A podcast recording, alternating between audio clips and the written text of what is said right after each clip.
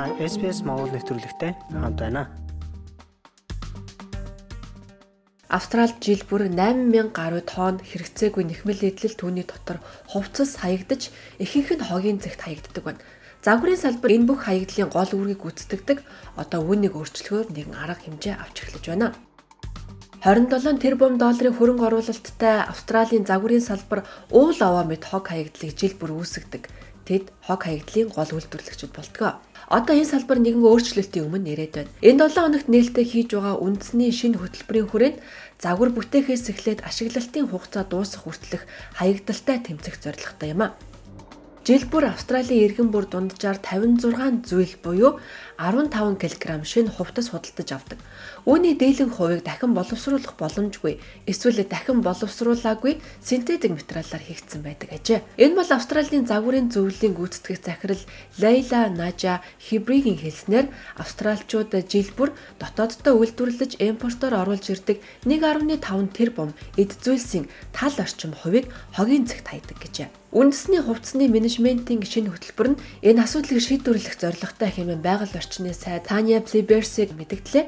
Энэхүү хөтөлбөр нь даван эдлийн дизайн нөхөн сэргэлт дахин ашиглах, дахин боловсруулахыг сайжруулахад чиглэж Австральд хувцсны эргэлтийг 2030 он хүртэл хөгжүүлэх чиглэл гаргах зорилготой. 2024 оны 7 дугаар сар гэхэд энэ чиглэлээр явж эхлэх ёстой. За энэ хөтөлбөрийн зорилго нь хувцсны хаягдлыг бүрэн арилгах явдал юм хэмээн тэрээр тайлбарлаж байна.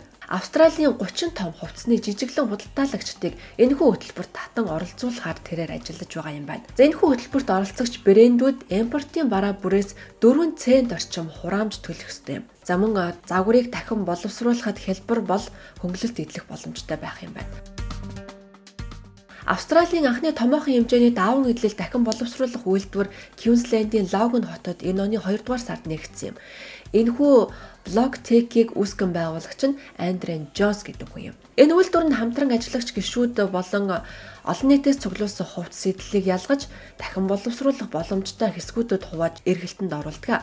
Өөрөөр хэлбэл хогийн цагт очихоос өмнө хэрэглээнд дахин оруулдаг гэсэн үг юм. Полиэстер болон хөвөн холилдсон материал нь газарт шингэхдээ 200 гаруй жилийг зарцуулдаг. За мөн задаргааны явцдаа даван эдэл нь метан болон олон төрлийн хортой хий ялгаруулж бусад химийн бодисууд хөрсөнд шингэж байгаль орчин асар их хор хөнөөлт учруулж болцсохгүй юм гэсэн юм а. За Block-Tech нь материалыг ялгаснаар хөвөнгийн бие даасан барилгын блок болгон хувиргах патентлагдсан химийн процессыг ашигладаг юм байна.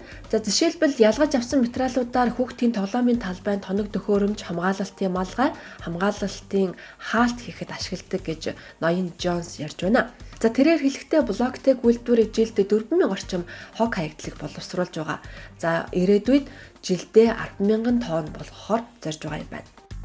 За Treat Together гэх мэт буйны санаачлагууд нь борлогдоогүй шинэ хувцсуудыг хогийн цэгээс авчирж хэрэгцээтэй хүмүүст нь тараадаг.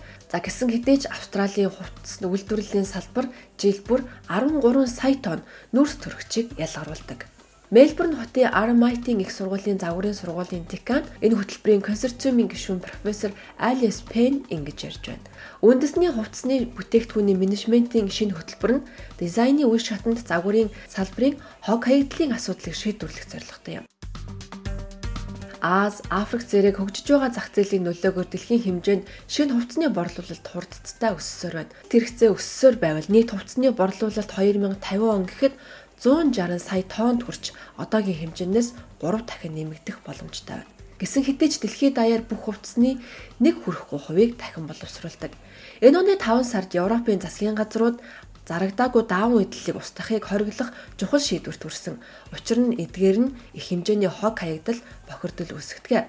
Австралийн хог хаягдлын менежмент ба нөөцийг нөхөн сэргээх нийгэмлэгийн гүйцэтгэх захирал Гэл Слоун хэлэхдээ Блок тег шиг бизнесийн загварууд нь хүсээгүй нэхмэл эдлэлээс орлого олох материалыг илүү удаан ашиглах арга зам юм.